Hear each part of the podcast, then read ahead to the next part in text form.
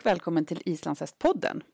Snart är det dags för RIM och SIF har fått order av RF att gå samman som ett SF till SVRF. Tycker du att det här är förvirrande? Det tycker nämligen vi också.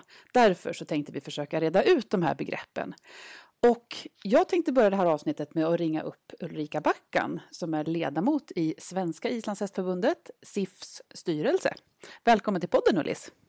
Ja, men tack så mycket Miriam! Hörru, du är ledamot i SIFs styrelse, men vem är Ullis? Hur skulle du presentera dig själv? Ja, hur skulle jag presentera mig själv? Jag eh, skulle väl säga att eh, jag är ju en person som eh, jobbar med många olika saker inom hästnäringen. Eh, jag eh, måste väl ändå säga att jag har islandshästarna som bas. Eh, har hållit på med islandshästar sedan jag var 15 år, vilket ju alltså eh, gör att Eh, det är 30 år sedan som jag var 15 år, även om det känns helt otroligt. Och, eh, eh jag jobbar som när, för närvarande då som lärare vid eh, Vången eh, och jobbar mest med hippologutbildningen där, en universitetsutbildning. Jobbar också som utbildningsledare vid Hästsportens folkhögskola och som konsult åt hästnäringens nationella stiftelse med olika utbildningsfrågor bland annat. Så att eh, jag är lite här och där måste man väl säga på olika ställen i, hästnäringen och tycker det är jättekul. Härligt! Och så är du med i Islandshästförbundets styrelse också. Precis, det är jag och eh, man kan ju lugnt säga att som det är just nu så tar ju det i princip all fritid eh, som vi har i, i styrelsen ska jag väl säga. Eh, det är ju jag och eh, Anna Albinsson, vår ordförande och även Malin som är vår nya kommunikatör som jobbar oerhört mycket med RF-frågan som vi kallar den lite så inom styrelsen. Precis, mm. för det är ju det vi ska försöka reda ut idag. Vad är ja. RF-frågan? Och eh, jag tänkte att vi, vi får börja med att reda ut vad är SIF egentligen? Det är Svenska Islandshästförbundet. Ja, hörru du, alltså SIF rent organisatoriskt så är ju SIF ett eh, förbund och eh, som många säkert känner till så eh, avskilde vi ju aven från vårt förbund. Eh, och det gjorde vi 2000 12 faktiskt, om jag minns rätt. Mm. Så vi är ett medlemsförbund och vår organisatoriska tillhörighet idag är ju internationellt sett till FIFE, det internationella islandshästförbundet. Just det, här kommer en ny förkortning. Ny förkortning, det är mm. förkortningarnas värld här. Mm. Så eh, Islandshästförbundet är med i FIFE, det internationella islandshästförbundet. Yes. Och nu, eller nu, sedan flera år tillbaka så har ju Islandshästförbundet även försökt gå med i Riksidrottsförbundet, RF. Ja. Vad är RF för någonting? Alltså RF är ju alltså då eh, förkortning för Riksidrottsförbundet och det är ju då alltså en eh, medlemsorganisation som alltså består av de olika specialidrottsförbunden eh, som nu då förkortas SF eh, som är medlemmar där helt enkelt. Eh, och RF eh, kan man alltså säga då ansvarar för eh, den idrott som bedrivs i Sverige och får alltså då statliga medel för det och det är faktiskt två miljarder tror jag årligen mm. som man får som då fördelas på de här olika specialidrottsförbunden. Så att kort sagt kan man ju säga att, att eh, idrott i Sverige, eh, det ser ju lite olika ut om du utövar idrott inom ett förbund som tillhör RF, familjen, eller inte. Mm. Eh, och i dagsläget så är ju SIF faktiskt inte medlemmar i RF och det innebär ju att vi har ju väldigt olika förutsättningar än till exempel Eh, ja, barn och ungdomar som är med i en fotbollsförening eller en ishockeyförening. Eller... Eh, ska vi reda ut lite grann vad, vad ett specialidrottsförbund är för någonting? Eh, kan du ge något exempel på ett specialidrottsförbund så vi kan förstå vad det är för någonting? Ett specialidrottsförbund är ju alltså då ett idrottsförbund som har uppfyllt eh, RFs alla krav på medlemskap och det har ju sett lite annorlunda ut faktiskt under åren. Eh, men de absolut största medlemsförbunden, alltså de största specialidrottsförbunden, det är ju de som har många utövare. Eh, och det är ju till exempel fotbollen, jag tror att de är störst. Eh, ridsporten, alltså via SVRF, är ju också jättestora och, och. även is ishockey eh, är ett stort förbund.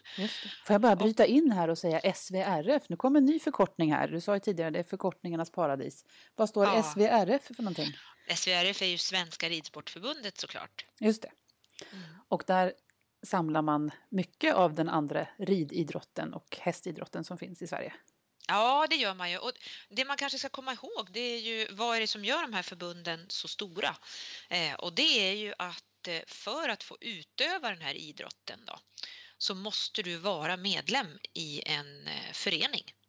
Just det. Eh, och det är ju det som är den stora skillnaden och det är ju här då som, som SIF är ju ändå med RF-mått mätt ett eh, ganska stort förbund med våra nästan 7000 medlemmar.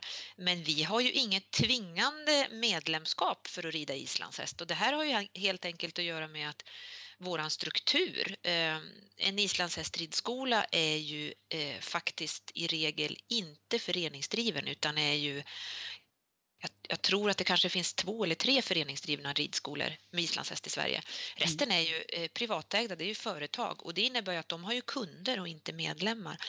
Eh, vi gjorde en, en, eh, tittade faktiskt i en förstudie lite grann på ungefär hur många som red islandshäst eh, regelbundet på ridskolor.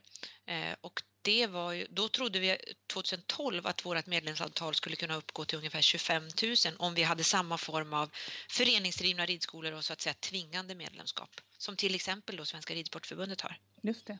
För om man rider på en, en ridskola, en vanlig ridskola för halvblodshäst, då måste man, det är obligatoriskt ja. att vara medlem i Svenska Ridsportförbundet? Ja, det är det och det ingår ju så att säga i, du betalar en eh, ridskolavgift, alltså vad det kostar att rida och du betalar en medlemsavgift till ridskolan och som ju då är medlemmar i Svenska Ridsportförbundet. Just det. Mm. Och Svenska Ridsportförbundet är ett av de här specialidrottsförbunden ja. i Riksidrottsförbundet. Yes. Ja, bra. Då har vi rätt ut det. Ja. Varför är det så viktigt att SIF går med i Riksidrottsförbundet? Ja, eh, som jag sa tidigare så det handlar ju ganska mycket om att tillhöra familjen och det, det, handlar ju om helt enkelt att också vara med och ta del av skattemedel och, och allt som det medför. Eh, om man bara ska prata ekonomi så är det ju så att Eh, man kan alltså då söka och få bidrag till verksamhet inom sin organisation. Och det baseras då på medlemsstorlek och på aktiviteter. Och det här är i sig skulle nog ta ganska många poddar och reda ut bara eh, hur så att säga, den ekonomiska modellen ser ut. Och den är ganska komplicerad. Det enklaste att beskriva det är väl det som man kallar för lokstödet som man har tillgång till. Och det är det som lokalföreningarna har möjlighet till att få och det går då direkt till lokalföreningarna och det får SIFs lokalföreningar idag via ett samarbetsavtal som vi har med Svenska Ridsportförbundet och det kan vi ju återkomma till. Mm. Så det är en sak. Eh, sen kan man ju också då få stöd på ekonomiskt stöd på central nivå. Mm. Alltså till förbundets administration. Eh, man kan få ett landslagsstöd, man kan få bidragsstöd till Idrottslyftet till exempel. Så att det är eh, Eh, av, eh, skulle jag säga, ganska stor ekonomisk betydelse för ett förbund att vara medlem i RF. Och om man tittar på förbund med liknande storlek jämförbart med Islandshästförbundet så uppskattar vi att eh, våra möjligheter till, till stöd då är någonstans mellan 1,5 och 1,7 miljoner på mm. årsbasis. Det är stora pengar. Det är stora pengar. Sen har vi ju hela den andra delen också eh, som gör att man har möjlighet till eh, stöd, hjälp och rådgivning och att vara en del naturligtvis av den svenska idrottsfamiljen. Till exempel har man då tillgång till SISU, idrottsutbildarna, där man kan utbilda ledare på olika nivåer, eh, landslagstränarutbildningar till exempel via Bosön juridisk rådgivning, eh, disciplinärenden eh, behöver inte förbunden själva hantera per nödvändighet utan det kan gå direkt upp till på RF-nivå. Så att det är ett omfattande nätverk skulle jag säga. Mm. Och naturligtvis också ett nätverk där man med hjälp av andra idrottsförbund kan vara med och påverka till exempel Mm. politiker och eh, beslutsfattande vad gäller idrotten i stort. Så att, eh, och det är ju självklart så att vi står ju helt utanför det här mm. i dagsläget, förutom då lokstöden som ju man ska komma ihåg ändå har haft stor betydelse för våra lokalföreningar så att det gör ju skillnad. Mm. För att Svenska islandshästförbundet har ju ansökt tidigare, jag tror att det var första ja. gången 2006. Vad, vad är det som har hänt under tiden? Alltså det här är ju faktiskt till och med längre än så. Alltså redan 1994 så tog SIF kontakt med RF eh, och började faktiskt eh, diskussionen och förhandlingarna då om, om SIFs erkännande som ett idrotts och sportförbund. Eh, och redan då så meddelade RF att SIF måste samarbeta med Ridsportförbundet. Och Ridsportförbundet var då ett relativt nybildat förbund som bildades av olika då eh, föreningar. Eh, det var flera förbund som hanterade ridning mm. eh, på olika sätt inom Sverige som gick ihop då till Svenska Ridsportförbundet. Så det var redan 94 och 2005 så sökte vi medlemskap första gången. Mm. Eh, och då hade vi aven kvar men eh, vi lämnade också ett löfte där att vi skulle avskilja aveln om vi skulle få medlemskap. Avel är ju inte en sport då. Mm. Eh, våran ansökan avslogs ju då, eh, men eh, RF-förbunden började förstå här att vi är ju inte ett avelsförbund utan vi är ett sportförbund. Eh, men den här frågan om att avskilja aveln, det har ju varit uppe naturligtvis på tapeten så många gånger att var detta verkligen nödvändigt? Och det var nödvändigt, eh, är nog slutsatsen här ur en ren förklaringssynpunkt. Mm. Eh, eftersom det finns ju andra avels och rasförbund som eh, sysslar med hästar och det gällde ju då att visa att, att vi faktiskt inte var ett avelsförbund utan ett sportförbund. Just det. Mm, sen 2009 eh, så fattade faktiskt riksdagen beslut eh, specialidrottsförbunden då, alltså de är SF som vi då kallar dem. Mm då, där till exempel Ridsportförbundet eh, är ett SF, att de måste faktiskt ta in mindre idrottsförbund också då i högre grad än man har gjort tidigare. Eh, därför att Riksidrottsförbundet har statens uppdrag att dela ut statsbidrag till idrottsverksamhet. Mm. Och där nämner man faktiskt i den propositionen så nämner man SIF, Svenska mm. islandshästförbundet.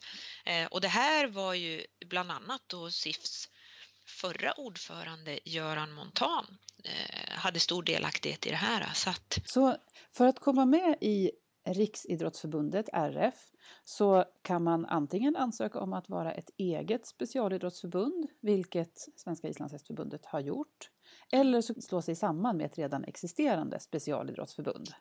Precis, och det är det här som är lite grann klon nu då. Alltså man vill då inte från RFs sida ta in några fler specialidrottsförbund. Jag tror att det finns lite olika uppgifter på det, men jag tror att det är 71 SF som finns i, i dagsläget. Och den antalet specialidrottsförbund vill man inte utöka utan man ser ju hellre då att, att eh, som vi då som ett mindre förbund söker istället och blir på något sätt ett underförbund eller på något sätt ett, eh, har ett medlemskap i ett, i ett redan befintligt SF. Och det är ju här som det börjar krångla till sig för Just vår del.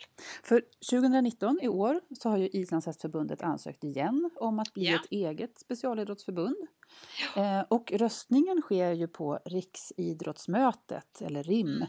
i slutet av maj. Mm.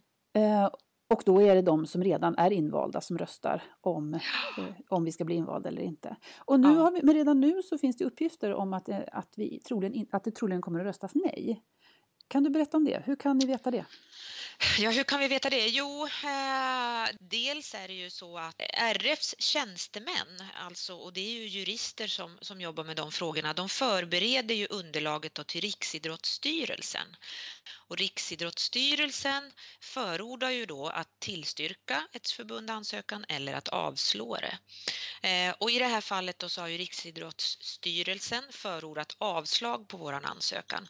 Och det har man då gjort också genom att man skickade vår ansökan på remiss till Svenska Ridsportförbundet och där har Svenska Ridsportförbundet då sagt att de gärna ser oss som en kommitté inom dem och att de tycker att eh, det ska finnas samlat helt enkelt i ett, i ett stort hästförbund. Mm. Eh, och det är självklart så att när ett stort specialidrottsförbund säger att, att eh, de gärna kan ta in ett mindre förbund, då är det naturligtvis så att det blir oerhört svårt för oss att motivera varför vi ska vara ett eget specialidrottsförbund gentemot de argument som Ridsportförbundet lyfter fram.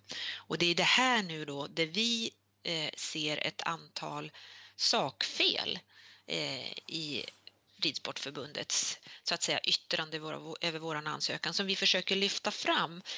Och lite senare i det här programmet så kommer vi att intervjua Björn Eriksson som är mm. eh, eh, ordförande i Riksidrottsförbundet och han ska få hjälpa oss att reda ut hur den här demokratin egentligen fungerar. Mm. Men eh, det specialidrottsförbund som, som Riksidrottsförbundet vill att Islandshästförbundet ska slå sig samman med är Svenska Ridsportförbundet.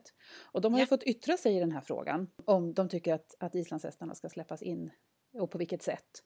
Och mm. eh, kan du berätta lite om det? För i det, eh, det har kommit ett brev här nu med ett, ett yttrande eh, och där står det lite något som, som Islandshästförbundet anser är sakfel i det här. Skulle mm. du kunna lyfta upp dem lite grann? Precis, det kan vi göra. Eh, och eh, en av de sakerna som eh, gör att vi säger att vi inte kan så att säga bli en kommitté inom Ridsportförbundet. För det är ju det de kan erbjuda oss. De säger alltså att vi kan bli en kommitté och det innebär ju att vi då inte egentligen skulle ha ett eget årsmöte vi skulle helt enkelt inte vara en, en självstyrande organisation, en självständig organisation längre utan en kommitté liksom till exempel dressyrkommitté och, och eh, fälttävlanskommitté. Och vad skulle vara problemet med det? Att, att de erbjuder oss alltså, att komma med som en kommitté och vad, ja, vad är problemet problem, med det? Det största problemet med det, det är att våran, vårat internationella förbund FIFE eh, har eh, en regel och den är fundamental och den säger att eh, det förbund, det nationella förbund som har medlemskapet i FIFE ska vara ett förbund som enbart ägnar sig åt islandshästar. Okay. Och då faller ju detta därför att Svenska Ridsportförbundet, där kan man ju eh, delta med vilken hästras som helst. Mm. Det här har ju vi lyft fram och vi har haft diskussioner med FIFE, vi har haft möten med FIFE jurister där vi också har haft med Fifes president som har, som har förklarat det här, att det ser ut på det här sättet och så. Eh, det vi tittar på nu, det är ju då att eh, det verkar som om Svenska Ridsportförbundets internationella förbund som heter FEI mm faktiskt också kan utgöra ett hinder för det här erbjudandet som vi har fått av Ridsportförbundet. Det är nämligen så att i FAVs stadgar så framgår det ju också att ett nationellt förbund, i det här fallet då, Svenska Ridsportförbundet, inte samtidigt kan vara med i ett annat internationellt förbund om inte det är erkänt av FEI. Mm. Och enligt den information som vi har i dagsläget så är inte FIFE erkänt av FEI det internationella islandshästförbundet är inte erkänt, erkänt av det internationella, av det internationella ridsportförbundet. Just det. Mm. Precis, och det här gör ju då att eh, då är det ju inte enbart våran internationella organisation som så att säga har ett, ett regelverk utan det har ju även FEI då. Och det här gör ju att det erbjudande då rakt av i så fall som vi har fått av Svenska Ridsportförbundet det är ju den yttersta konsekvensen nu om vi tar det erbjudandet. Det är ju att vi kan inte tävla, vi kan inte Eh, vi kan inte bedriva våran sport därför att då kan vi inte följa FIGHTs reglemente. Och då är det ju, ja då får väl de andra göra upp om medaljerna då i, på Nordiska mästerskapen eller världsmästerskapen eller så, så får vi väl hålla oss inom landets mm. gränser då. Så, och det är inte ett alternativ som alla säkert förstår. Precis, och det som Ridsportförbundet erbjuder att Islandshästförbundet ska få bli som en, en disciplin, en kommitté hos dem.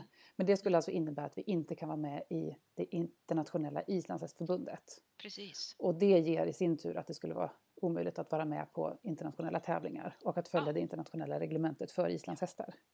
Okay.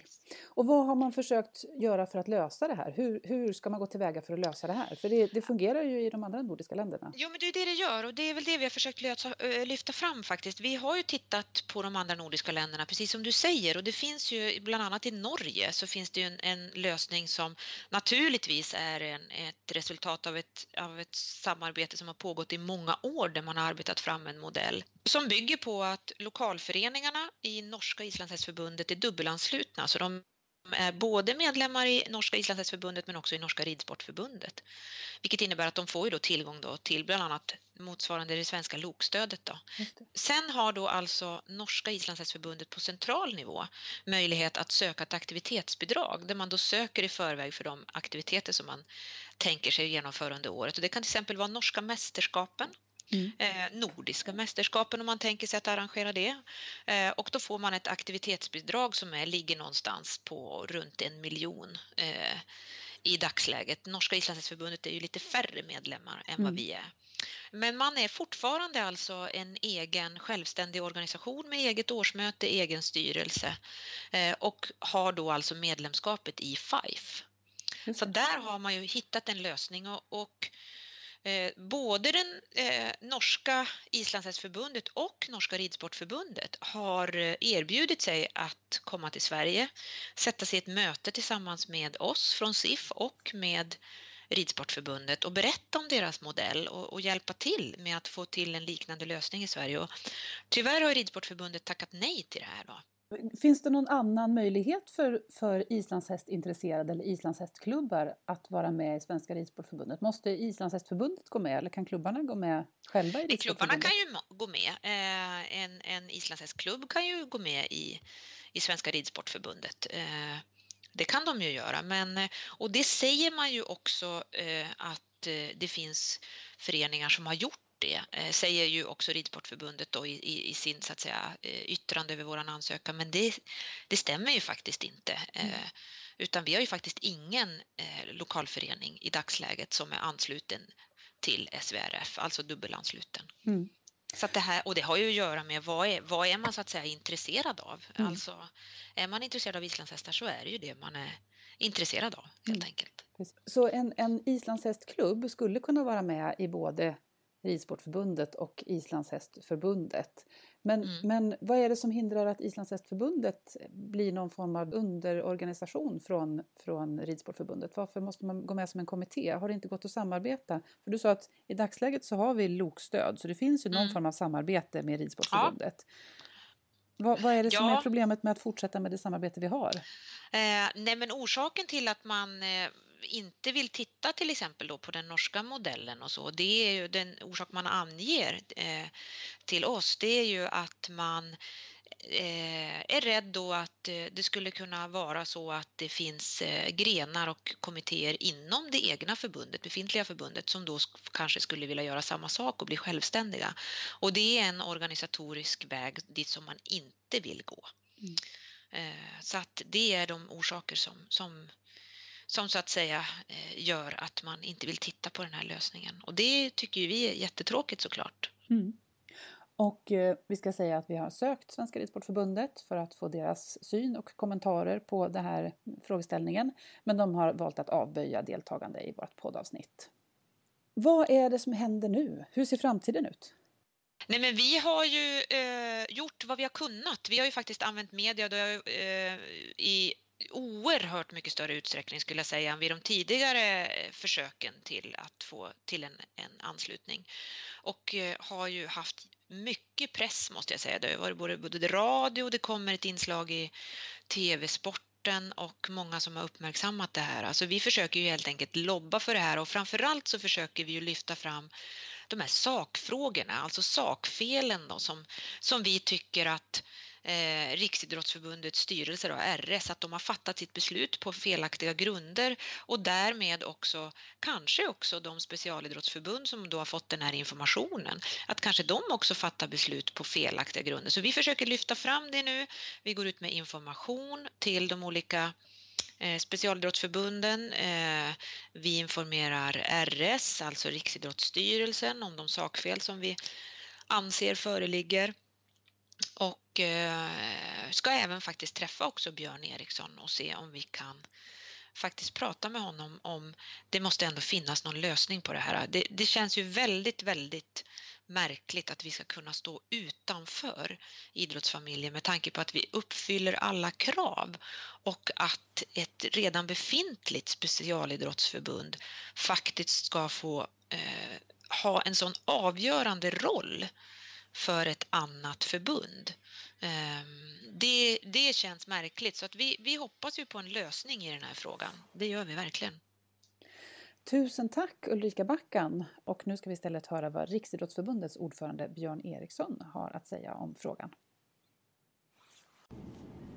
Då har jag tagit mig till Idrottens hus i Stockholm för att prata med Riksidrottsförbundets styrelseordförande Björn Eriksson. Välkommen till podden! Tack så mycket! Kan du inte börja med att berätta vart vi är någonstans? Vi befinner oss vid Skanstull, vi befinner oss i Idrottens hus. Här har vi varit nu några år eh, och det är en fantastisk arbetsplats för här är vi på Riksidrottsförbundet men också väldigt, väldigt många specialidrottsförbund. Så att det, det kokar idrott i det här huset. I fikarum, i matsalar, i sammanträden och så. Så för mig är det, det är ett lysande exempel på vad bra det blir när man får människor att vara under samma tak. Precis, och det känns när man kommer in även i väntrummet. Det var roligt då. Eh, och då är det ju så att Svenska islandshästförbundet försöker ju också bli del av den här gemenskapen och har sökt flera gånger och det har ju varit svårt att komma in. Vi har ju haft svårt att hitta samarbetsformer för hur det ska gå till att vi ska komma in och det är det jag tänker att den här intervjun ska handla lite grann om. En, en av mina frågor är ju det här med eh, hur nya förbund väljs in. Det sker på Riksidrottsmötet och på Riksidrottsmötet så deltar delegater från de förbund som redan är invalda. Hur tänker du om det, om den, om den invalningsprocessen? Det är svårt att tänka sig ett alternativ för man måste liksom gå tillbaks till vad är Riksidrottsförbundet egentligen? Och vi är ju ingen myndighet och vi är inget företag utan vi är en folkrörelse. Och en folkrörelse bygger ju på att medlemmarna bestämmer vilka villkor som ska gälla. Och då är det ju väldigt svårt att tänka sig att någon annan skulle bestämma vilka som skulle vara med. Det innebär också att när du och jag sitter här och pratar så innebär inte det faktum att vi i styrelsen tar ställning till vad vi ska tycka om en propå från en ny medlem. Det gör faktiskt kongressen. Och eh, det tillhör ju demokratins regler att kongressen kan ju mycket väl besluta något annat än vad vi i styrelsen rekommenderar. Så man ska ha klart för sig i det fortsatta resonemanget att jag är ingen enväldig beslutsfattare. Jag har att reagera på ett förslag och sen bestämmer kongressombuden. Jag har svårt att se någon, någon bättre modell. Senast Islandshästförbundet sökte var 2017 och då var det flera andra förbund som också sökte och då bordlades alla nya ansökningar och man skulle göra en utredning om hur antagningsförfarandet skulle gå till. Eller antagningskraven. Eh, och då, då tänkte jag att vi bara kunde kolla lite grann på, för, för att bli medlem i Riksidrottsförbundet, RF, så, behöver man, så finns det några, några krav. Eh, det ena är att förbundet ska bedriva och administrera idrott och det uppfyller Islandshästförbundet. Det andra är att förbundet ska vara en ideell förening och det är SIF också. Förbundets verksamhet ska stå i samklang med verksamhetsidén i Riksidrottsförbundet och det har de varit noga med att titta på. Och sen så kommer den här punkten som, som eh, har gjort att vi inte har fått vara med som eget för, för, eh, specialidrottsförbund. Och det är att förbunden inte får bedriva och administrera idrottslig verksamhet som är nära besläktad med verksamhet som är redan inom RF. Och då har man ansett att Islandshästförbundet är väldigt lika Svenska Ridsportförbundet. Kan du berätta om, om hur det resonemanget har gått? Det är ett krav som jag tror har funnits väldigt länge. Och man ska väl kanske börja med då att säga att när vi kommer till Riksidrottsmötet så sker saker och ting i en tvåstegsraket. Det som sker eh, när vi öppnar det är att vi skulle göra en utredning. Och det betyder att det framläggs ett förslag som har jobbats jobbat ganska mycket med inom eh, idrottsrörelsen kring vilka kriterier som ska gälla, hur man ska se på nya medlemmar och slika ting. Och det där kommer att diskuteras under fredagen och då kommer man att komma fram till beslut, ändra det vi föreslår eller något annat. Och de läggs sen till grund när man kommer två dagar senare på söndagen fram till nu ska vi pröva de här olika ansökningarna, det är 12 stycken, mot den här kriterielistan. Det. Det är gången. Det här med närbesläktat, det har funnits eh, så länge jag minns och troligen eh, mycket längre än eh, jag kan minnas. Och det är ganska logiskt för att man måste betänka när man bygger upp RF att det bespårar i botten föreningar. Alltså det finns ju över 20 000 föreningar. Det är ju bottenplattan. Specialidrottsförbund, det är ju påbyggnaden ovanpå det här. Vilket betyder att eh, vi har idag 71 specialidrottsförbund. Långt, långt över vad andra länder har. Och det där har ju lett till ett resonemang. Utan att det drabbar idrott kan vi hitta andra former än att var och en skaffar sig en ekonomichef och en eh, personalchef och allt vad det nu kan vara.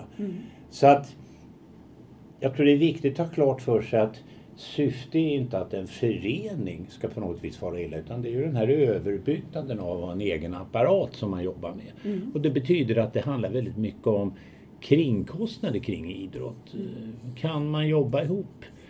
Och det är den där så att säga, distinktionen när det gäller närbesläktat som jag tror kongressen kommer att titta väldigt noga på. Jag tror kongressen kommer att säga så här kanske att om vi är 71 och så har vi 12 till, då blir det 83 och så har vi 15 nästa gång, då är det 100 och sen några år senare, ja när vi är uppe i 150, mm. 200 måste man någonstans börja fundera över hur överbyggnaden ska se ut. Och den där är lite marig att hålla ögonen på för ibland verkar det som om vi kommer in som specialidrottsförbund då har vi kommit genom pärleporten, mm. allt är klart. Mm. Men är det riktigt så? Mm. För en, en, fråga, en följdfråga till det där blir ju att nu bedöms de nya ansökningarna enligt det här med närbesläktad idrott. Men när man som lekman tittar på det eh, utifrån så känns det som att många av de idrotter som redan finns inne i som egna specialidrottsförbund liknar varandra väldigt mycket. Det här arbetet, kommer det att gälla bara de nya ansökningarna eller kommer Riksidrottsförbundet att sträva efter att även eh, redan existerande specialidrottsförbund ska arbetas på samma sätt? Det är, tycker jag, en väldigt bra fråga och den där brottas vi lite med och det får väl ett lite komplext svar här. Eh, för det första, det som kommer att gälla är att vi tillser att de villkor vi ställt upp i form hur stor man ska vara så där faktiskt gäller. Och det betyder att vi för första gången i mannaminne har ett par uteslutningsärenden just därför det ska gälla de som är innanför staketet lika mycket som de som är utanför. När det gäller kriteriet närbesläktat så är det nog helt enkelt så att tiden går. Jag menar, vi är ju över hundra år och det har tagits in under perioden på olika sätt och vis. Och då kan det lite vara knepigt att kanske vrida klockan tillbaks med, med administrativa medel. Men det vi tror kommer att dra åt det håll du antyder är att om vi får gehör för de här förändringarna vi tänkt oss av bidragssystemet mm. så kommer det att löna sig att gå ihop och administrera tillsammans. Och det brukar ju vara så att penningen är ett ganska viktigt instrument. Vi är på något vis i botten alla smålänningar brukar man säga mm. lite skämtsamt. Så jag tror att du kommer att se en rörelse mot större förbund, mer samordnade förbund som under sig kommer att ha idrottsdisciplar där själva idrotten är helt fristående. Det är min gissning. Kan du berätta något om de här eh, ekonomiska förändringarna som du säger är på gång? Ja, det är flera, men just den här punkten handlar om att eh, eh när vi ska ge bidrag så kommer bidragen, om man skulle välja att gå på den linjen vi föreslår, att gynna de som skapar slagkraftiga ekonomiska överbyggnader så att var och en inte öppnar eget. då kommer man att kunna ha chans att få mer pengar. Sen finns det gränser då när man är ett litet förbund och när man är ett stort förbund. Och en ny tredje grupp kommer till, nämligen ett slags nätverk där vi har alla de här som gärna vill komma med men inte anses riktigt mogna av sig själv eller av omgivningen. Att man kan vara med fast man inte är medlem. Du skulle kunna säga någon slags hang around som du uttrycker det på engelska. Mm. Jag tänkte vi ska komma tillbaks till det lite grann, för det är en senare fråga. Men en, om jag går tillbaks till det här med att, att förbundet inte får bedriva och administrera idrottslig verksamhet som är nära besläktad. Mm. Vem är det som gör den bedömningen? För de andra punkterna är ju mera faktabaserade punkter. Men just den punkten är en bedömningspunkt, man bedömer det. Exakt. Vem är det som står för den bedömningen? Det är kongressen. Det är kongressen. Mm. Mm. Vi gjorde faktiskt till och med så att vi vände oss till GH och ställde frågan till vetenskapen, Gymnastik och idrottshögskolan, ja. till eh, några av de här tunga professorerna. Och de tänkte väldigt länge, sen kom de tillbaka och så sa de ja, vi får faktiskt meddela så här när vi akademiskt har tittat på det. Det finns ingen definition någon kan ställa upp utan det är styrelsen och kongressen som ska avgöra. Mm. Problem finns inget annat sätt att lösa det. Mm. Så det tog vi med oss. Vi hade i och för sig hoppats man skulle hitta någon slags mm. matematisk modell som fungerar men det säger vetenskapens kloke. Det går inte, utan det måste ni bestämma själva. Mm. Och då tänker jag så här, det är de som röstar på kongressen eller de som får vara med på kongressen, det är ju de som redan är invalda. Mm. I vårat samarbetsfall då så är det Svenska Ridsportförbundet. Det är en av dem, ja. Eh, som, som, tycker, som är mer sakkunniga om, om ridning och hästar. Väger deras röst i det här tyngre än Islandshästförbundet som står utanför? Eller har Islandshästförbundet, kan de också uttrycka sig om, om vad som är nära besläktad idrottsverksamhet? Det kan de göra eftersom det är byggt på att det kommer att ske en plädering av de som söker om de så önskar. Och sen kommer man att gå igenom hur vi har yttrat oss och sen blir det en allmän debatt och så småningom blir det en röstning. Och då är det ju på det sättet att de 71 förbunden har ju alla eh, så att säga, egen röst. Sen är rösträtten gjord så att stora förbund har fler röster än små förbund. Mm. Så det ska man ju ha med sig. Mm. Och, och, den röstningen blir då avgörande för vad just den här kongressen just. kommer fram till. Men Islandshästförbundet och andra ansökande förbund har möjlighet att göra sin röst hörd inför stämman också? Exakt. Ja. Det kommer att vara en plädering för de som önskar det. Vad jag vet, vi har ju 12, det är ju oerhört många mm. som vill in i, i systemet så att säga. Jag tror att av de 12, det sista jag hörde är det väl sju eller åtta mm. som kommer att infinna sig för att personligen plädera för sin sak. Mm. Och jag är, har uppfattat att Islands hästarna kommer att göra det också. Mm. Ska vi gå tillbaks till det här med, med eh, utredningen som gjordes, som du var lite inne på här, att, att de som inte är så etablerade ska finnas i ett nätverk. Och sen beskrivs det i utredningen att man ska kunna ha mindre förbund, små mm. förbund med mellan 25 och 49 medlemsförbund och 1500 medlemmar. Och sen det, det som man har klassificerat som större förbund, då ska man ha minst 50 föreningar och 3000 medlemmar. Och då tänker jag, just de kraven, de är ju mätbara och de uppfyller Islandshästförbundet. Eh, så då är det ju egentligen bara det här kravet då på närbesläktad idrott som är hindret att man blir ett eget specialidrottsförbund. Kan du, kan du utveckla det där lite grann och berätta? Det är egentligen ett krav som jag tror har funnits nästan kunna tänka mig alla våra hundra år. För det är ju väldigt svårt eh, att tänka sig att man inte tittar lite på den typen av likhet. Om vi till exempel skulle tänka oss att vi har sådana som eh, hoppar stav med eh, metallstav och så har vi en annan som hoppar med bambustav. Ska vi då inrätta två specialidrottsförbund för det om de uppfyller tillräckligt stort kriterium. Mm. Det skulle ju kunna lätt bli två, tre, fyra, 500 olika förbund. Mm. Det fungerar inte. Och då har man kommit fram till att det där är väl ändå ett vettigt och rimligt krav. Och det måste ju bli föremål för någon slags tolkning för det finns ju ingen matematisk metod att mäta. Mm. Och det är klart att eh, man kan argumentera, vilket ibland förekommer, att ja men varför gör ni så när det gäller hästar eh, och så gör ni på ett annat sätt när det gäller eh, eh motorer eller det gäller eh, kampsporter mm. eller vad det nu kan vara. Och då noterar jag ju att man har valt lite olika strategier fram tills nu. Vissa förbund har ju sagt sig att det är inte vettigt att lägga ut så mycket pengar på administration. Så vi har gått samman i kampsporterna och samlat ett antal olika kampsporter under samma typ av administrativ kostym. Mm. Motorsidan, Svenska Bilsportförbund, har gjort precis samma sak. Mm. Andra har ofta kämpat för att bli egen i sin grej, sin lilla bubbla så att säga. Mm. Och jag jag tycker kanske själv att det avgörande för mig är hur sporten fungerar mm. snarare än hur man bygger på administrationen.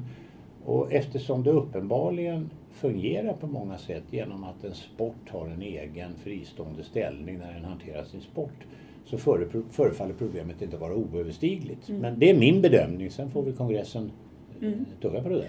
För de, de förbund som är på eh, vad ska vi säga, uteslutningsförslagslistan mm. nu. Mm. De, det, förslaget att de ska uh, uteslutas som egna specialidrottsförbund, det baseras på det att de inte uppfyller de här kraven på storlek. Det. Har jag förstått rätt då? Du har förstått ja. rätt.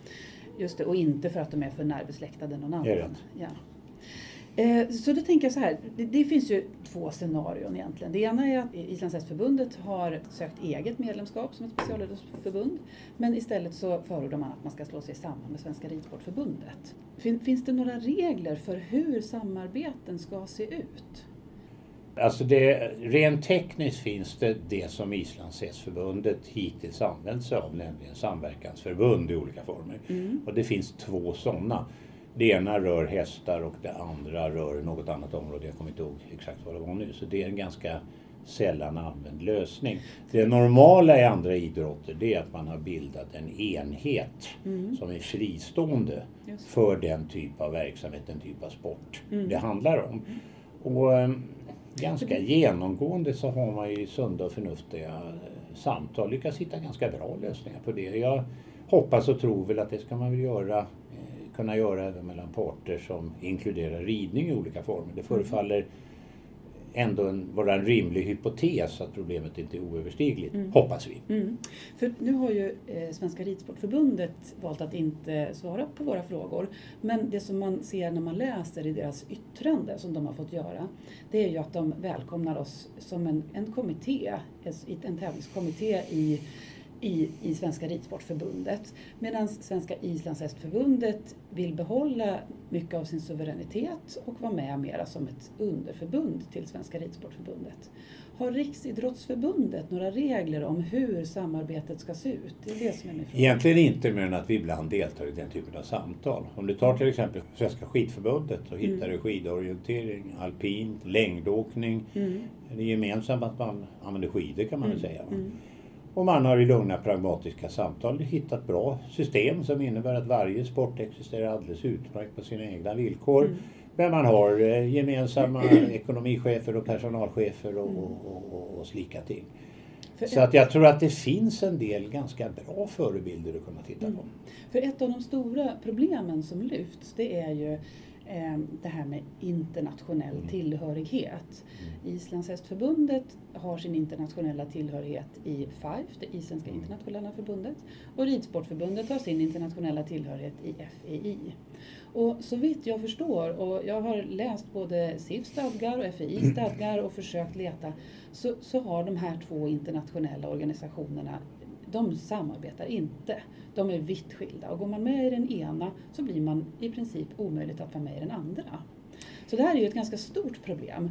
Eh, hur, hur ser Riksidrottsförbundet på det? Har ni varit inblandade? Ja, vi har väl lätt, nu, nu det får jag gå på sånt där jag inte personligen deltagit, men när man har på och utrett och tittat på det här så har naturligtvis frågan varit uppe i vilken utsträckning ska vår medlemsstruktur kunna manipuleras av vad det finns för viss internationell struktur och i vilken utsträckning talar vi om landet Sverige som organiserar sig efter vad som är bäst för Sverige. Mm. Och ehm, då har vi nog landat i att det att hur man organiserar sig internationellt kan vi inte lägga till grund för att organisera svensk idrott eftersom mm. vi som sagt lever i just detta land. Däremot noterar vi ju att i Danmark och Norge har man hittat lösningar på detta och mm. där är man samma förbund. Mm. Så att vi har svårt, i alla fall har jag lite svårt att förstå att med lite god vilja bör detta vara lösbart. Mm. Klarar danskar och norrmän det så borde väl vi svenskar ha vissa utsikter att lyckas också. Just det. De här sammanslagningarna som man förordar inom Riksidrottsförbundet mellan mindre specialidrottsförbund står ju att de ska inte ske till men för idrotten. Eh, och att så, så, som det ser ut, så som förslaget ser ut nu, så skulle det innebära att det blir svårt att, att vara med i de internationella förbunden. Det skulle vara ett men. Eh, men det andra står ju också att Riksidrottsförbundet ska vara behjälplig i samverkan. Mm. Hur, hur, vilken hjälp har Riksidrottsförbundet att erbjuda och det? Och vad har ni gjort tidigare? Det där är eh, på lite olika sätt faktiskt. Den ena eh, har handlat med ekonomi och det innebär att vi kommer att avsätta en del pengar för att kunna vara behjälpliga så att, så att säga, det finns vissa ekonomiska kostnader man kan ta vid de kostnader som kan uppstå vid ett sammangående så att säga. Det är ju en pekuniär fråga. Det andra är personellt beroende på att vi är ju en hel del människor på RF som hyggligt kan de här frågorna som eh, bör kunna användas. Mm.